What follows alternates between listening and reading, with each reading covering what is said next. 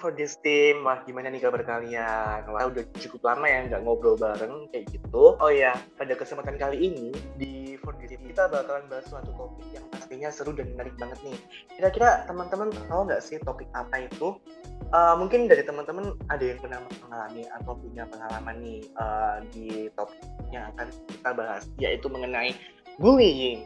For your information ya teman-teman, bullying ini merupakan suatu permasalahan yang sekarang udah sangat marak ya terjadi. Nggak cuma di Indonesia, tapi juga di luar negeri kan kayak gitu. Dan pada kesempatan kali ini, aku Raffi Vindra sebagai Head of PR dari Mengelola Emosi Jawa Timur. Aku nggak sendirian karena aku bakalan ngobrol nih sama teman aku yang mungkin kita juga punya experience yang sama ya. Nah, uh, sebelum aku kenalin sama teman aku, ada kita kali ini kita bakalan membahas mengenai bagaimana sih cara kita tuh bisa mencegah dari permasalahan bullying yang terjadi kayak gitu. Uh, langsung aja kita sambut Ayah. Halo Ayah. Halo Kak Rafli. Halo semuanya. Wah, gimana nih kabar Ayah sekarang? Baik Kak, Alhamdulillah. Oke. Nah, tentunya di masa pandemi kita juga harus tetap menjaga kesehatan ya Ayah ya. Iya, betul banget Kak. Jadi nggak cuma kesehatan fisik ya teman-teman, tetapi juga kesehatan mental. Karena itu juga sama-sama penting ya. Kayak gitu nggak sih Ayah? Iya Kak, benar. Oke. Nah, uh, biar nggak terlalu lama ya,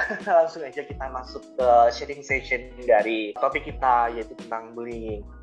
Nah, oh ya, I, aku mau tanya dong, uh, kalau menurut kamu nih uh, bullying di Indonesia itu, kalau dari kamu itu kayak kasusnya itu gimana sih maksudnya? Apakah semakin meningkat atau gimana ya? Atau menurun atau gimana nih? Kalau menurut aku bullying di Indonesia cenderung meningkat ya kak. Kalau menurut aku karena apalagi sekarang kita udah pakai sosial media kayak orang-orang pada pakai sosial media di mana mereka bisa bebas ngomong apa pun ke orang lain. Itu jadi kayak pemicu gitu loh kak. Jadi pemicu apa ya bullying secara online gitu atau sebutnya juga cyberbullying. Misalnya kayak ada kasus apa terus ada yang mojok-mojokin orang bikin dia down dan segala macam. Itu menurut aku salah satu contoh dari cyberbullying dan juga part of bullying di Indonesia gitu kak. Oke wah iya sih. Kalau melihat perkembangan kasus dari uh, zaman dulu sampai sekarang itu mungkin bisa dibilang cukup memprihatinkan ya kayak selalu aja ada kasus bullying kayak gitu kan iya bener banget kak dan iya sih bener ayah yang tadi kamu bilang sekarang ini apalagi uh, harus hati-hati ya kita sama yang namanya cyberbullying ya karena uh, cukup mengerikan sih kayak kayak gitu ya.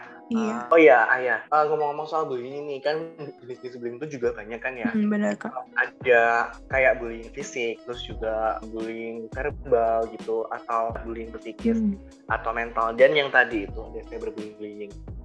Nah, kalau menurut ayah nih, uh, mungkin ayah pernah nggak sih mengalami experience uh, soal bullying atau mungkin ada teman ayah gitu yang pernah mengalami bullying kayak gitu? Uh, mungkin kalau misalnya pengalaman bullying, mungkin sebenarnya dulu aku pernah kali ya kak dikena bullying gitu. Cuma aku ada tipe orang yang nggak pedulian gitu sama orang, jadinya kayak walaupun misalnya mereka ada tensi buat ngebully aku tapi akunya nggak terlalu mikirin jadi nggak terlalu ngefek gede ke aku tapi buat orang-orang di sekeliling aku uh, ada beberapa yang uh, kena juga sama yang namanya kasus bullying kak jadi kayak ada orang terdekat aku yang uh, dibully sama temen-temennya sama orang lain di sekitarnya gitu. Jadi yang bikin dia jadi uh, cara mental down terus dia jadi tertunda kegiatannya dia jadi misalnya sekolahnya jadi terganggu uh, secara sosial dia jadi ada trauma. Jadi kayak mempengaruhi kehidupan seseorang banget gitu kak dari si bullying ini. Oke okay Wah, berarti ini ya dampaknya memang cukup ini ya berpengaruh ya ayah ya. Iya pasti kak. Oke. Oh ya sebelumnya aku su suka banget sih sama statement kamu dan juga setuju sih bahwa apa ya maksudnya mungkin kita harus belajar bodoh amat gitu ya maksudnya biar apa sih kayak uh, mungkin orang yang cenderung ingin melakukan pembulian atau mereka ada kesempatan untuk melakukan bullying itu jadi mikir dua kali kayak gitu gak sih? Iya, kayak kak. Males gitu. Iya benar. Mungkin itu bisa kali ya kak menyadarkan itu ke orang lain kayak biar mereka bodoh amat sama orang-orang yang ber berusaha ngebully dia jadi kayak uh, mungkin bisa itu bisa ngebantu buat mengurangi kasus-kasus bullying kali ya kak. Kalau misalnya banyak orang yang punya sepemikiran sama aku gitu. Oke okay, iya sih. Karena juga gimana kita bodo amatan itu secara nggak langsung ya indirect itu mereka bakalan kayak nggak dianggap kan dari pembelian yang udah dilakukan. Jadi kayak ah ya ya udah dia langsung akhirnya nyerah kayak gitu kan. iya benar kak. ah iya sih. Oh, oke okay, teman-teman. Ini mungkin bisa dijadiin tips ya buat teman-teman mungkin mengalami pembulian atau semacamnya itu. Karena uh, pembulian dan macamnya itu ada ketika mereka melakukan kesempatan. Jadi maksudnya itu ketika ada kesempatan untuk membuli maka mereka akan menggunakan kesempatan itu. Nah dan itu tadi bisa disiasati ya macam solusi dengan cara ya udah kita nggak nggak usah sih mempedulikan orang yang ngebully kita. Karena juga sebenarnya itu balik lagi sih ke mereka gitu. Even uh, bullying ini kayak mereka melakukan pembulian karena mereka merasa diri sih. Itu salah satu faktor ya. Kayak apa sih namanya jadi atau kayak mereka itu nggak mampu melakukan apa yang dilakukan oleh si victim gitu ya si bullying victim. Jadinya mereka hanya melakukan perundungan. Kayak gitu nggak sih Ay? iya betul banget kak. Nah kayak gitu ya teman-teman. Oke nih kemudian nih ayah kalau dari ayah sendiri ada nggak sih kayak tips buat teman-teman yang apa ya kan tadi itu biar kita bisa apa ya nggak terlalu mikirin atau bodo amat itu mungkin ayah bisa ngasih tips nggak sih buat teman-teman gitu? Tips yang... buat bodo amat sama orang biar nggak terlalu pengaruh sama apa yang orang lain pikir terhadap diri kita itu sebenarnya kalau dari aku adalah belajar mencintai diri aku sendiri dulu. Jadi kayak kalau aku udah ngelihat positifnya diri aku aku udah tahu aku kelebihannya apa. Jadi kalau ada orang yang berusaha ngejelek-jelekin aku orang yang berusaha bikin aku down itu aku udah tahu kalau misalnya apa yang mereka omongin tuh nggak benar. Karena aku yang lebih tahu diri aku sendiri kalau misalnya ya aku gini apa adanya dan I just wanna be myself gitu. Jadi kayak orang lain tuh nggak ada hak sama diri kita sendiri. Jadi mendingan udah nggak usah dipikirin gitu. Jadi fokus sama diri sendiri aja dan fokus sama orang-orang yang benar-benar bisa nerima kita apa adanya dan selalu ada buat kita gitu. Oke wah menarik banget ya statement dari ayah ini. Uh, memang ya yang penting banget itu self love kayak gitu. Betul kak Iya sih, karena juga uh, secara nggak langsung self love ini juga mampu apa ya membuat kita itu uh, kalau dari aku sih, ay, kalau aku pribadi itu bikin mood booster sih buat aku kayak oke okay, aku uh, bisa nih buat apa namanya kayak menghadapi sebuah permasalahan kayak gitu kan. Iya betul. Ya, dan kayak ini uh, kita bisa lebih confident terus kita apa ya ininya when we are being of ourselves kayak kita jadi diri kita sendiri itu berarti kan kita apa ya udah mampu menerima diri kita terus juga apa namanya kalau misalnya nih ada orang yang mencoba melakukan perundungan atau membuat kita apa ya istilahnya down itu udah gak bakalan ngefek sih kayak gitu gak sih? Iya, tapi aku mau lurusin dikit kak. Jadi kayak kita boleh ngedinai orang-orang yang berusaha ngebully kita, tapi sebenarnya walaupun kita self love segede apa pun, sebesar apa pun kita cinta sama diri kita, uh, kita harus tetap bisa nerima masukan dari orang lain. Tapi kayak balik lagi bu intensinya bukan bullying gitu. Biasanya orang-orang yang ada di sekitar kita ada dua tipe, ada yang mau olok-olokan atau ada yang mau kita uh, jadi lebih baik. Jadi kayak kita fokus sama orang-orang yang yang berusaha membangun kita jadi lebih baik, jangan yang bikin kita down gitu. Wah, bener banget nih. Iya, ini juga anu teman-teman bisa dijadiin tips juga ya. Uh, karena kita harus bisa selektif ya memilah mana yang merupakan saran atau kritikan yang membangun dan mana yang merupakan kritikan yang apa ya mungkin menjatuhkan ya kayak gitu. Kita memang harus bisa sih mengambil sebuah apa sih namanya kritikan yang membangun ya ya, yang pastinya bagus kayak gitu. Iya kak, betul. Oke, okay, nah oke okay nih kemudian lanjut ke next question. Oke okay, ayah kan tadi kita udah bahas jenis-jenis bullying, terus juga kita udah bahas tips mencegah bullying. Kemudian tadi juga ada dampak bullying ya, dampak bullying yang cukup berpengaruh. Nah, apa namanya di next question ini kalau menurut Ayah ada nggak sih tips biar apa ya kita tuh lebih apa namanya aware buat ngingetin teman kita biar nggak melakukan pembulian. Karena kan biasanya ada nih kayak apa ya mungkin uh, semacam habit kali ya kalau nggak ngebully itu kayak nggak asik. Kayak apa sih namanya? Kayak teman-teman itu sebagian menganggap bahwa bullying itu adalah hal yang lumrah. Nah padahal itu hal yang harus diluruskan kan. Kayak bullying itu is not a good habit kayak gitu iya, gitu kan. iya. nah kalau dari dari ayah ada tips nggak gitu?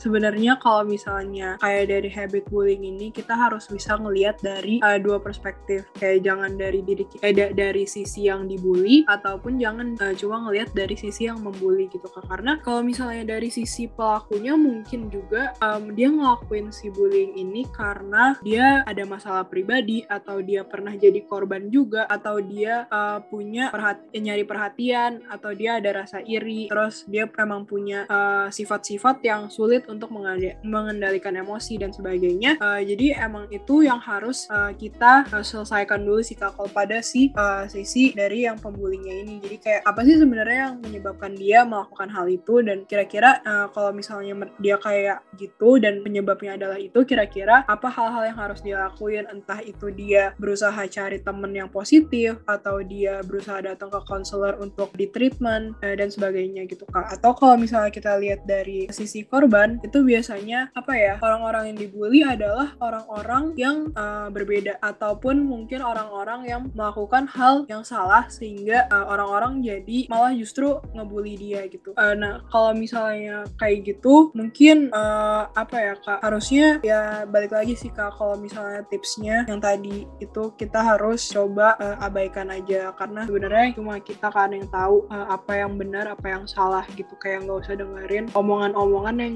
bikin kita sakit hati gitu lah istilahnya. Atau enggak buat para si pembuli ini sebenarnya kita harusnya misalnya aku adalah seorang yang ingin membuli orang lain gitu. Harusnya kita mikir dulu secara jangka panjang ya karena apa yang kita lakukan ini itu mempengaruhi bisa mempengaruhi masa depan seseorang gitu. Kayak misalnya kita cuma mikir ya lah gue cuma ngomong gini doang sama dia masa uh, bakal mempengaruhi dia jangka panjang? Kita nggak pernah tahu kayak gimana orang terima apa yang kita sampaikan. Kayak bisa aja menurut kita itu hal sepele tapi buat orang lain itu adalah hal yang bikin uh, hati dia sakit sampai akhirnya muncul trauma ataupun muncul apa ya sikap-sikap yang sebelumnya nggak ada di diri dia tapi dipicu gara-gara hal yang bikin dia sakit hati. Dan itu juga salah satu uh, penyebab adanya uh, para pelaku bullying yang baru gitu. Gitu sih kak paling. Oke wah men uh, menarik banget ya dan cukup lengkap ya.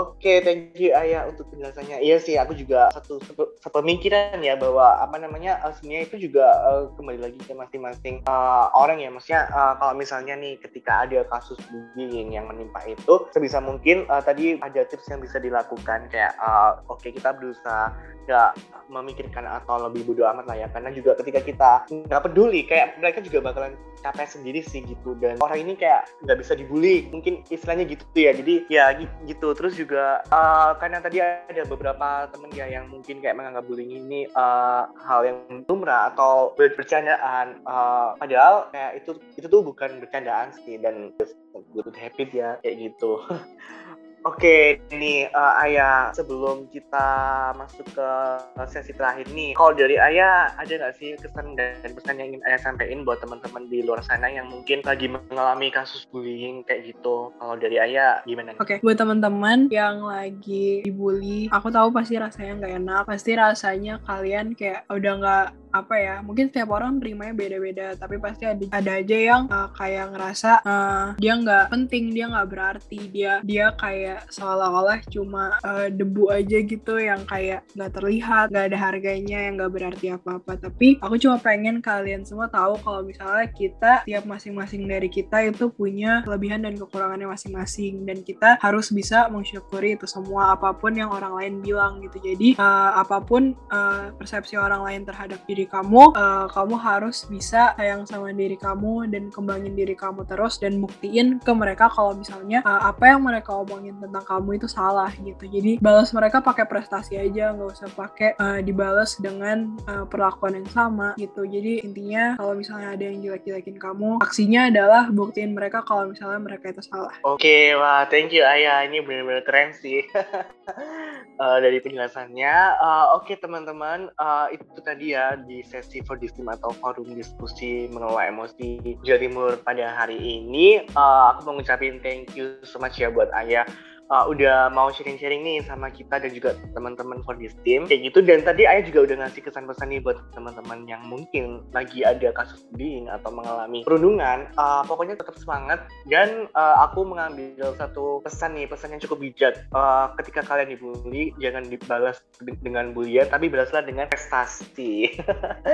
Uh, ya sih aku juga setuju banget sih dengan statement itu Oke teman-teman, uh, untuk for this team hari ini bisa diakhiri dan buat teman-teman yang penasaran dengan for this team selanjutnya, uh, stay tune ya karena nanti kita juga bakalan ngobrol-ngobrol dengan topik yang lain. Dan untuk topik hari ini tentang bullying uh, mungkin udah selesai dan uh, thank you ya Ayah udah datang ada sesi for this team hari ini gitu ya. Iya, sama-sama Kak. Makasih juga karena udah diundang buat ngisi di for this team di sini. Oke, sama-sama sama Oke, okay, baik teman-teman untuk for this team bisa diakhiri. Aku Raffi Findra pamit undur diri dan see you next time. Dadah.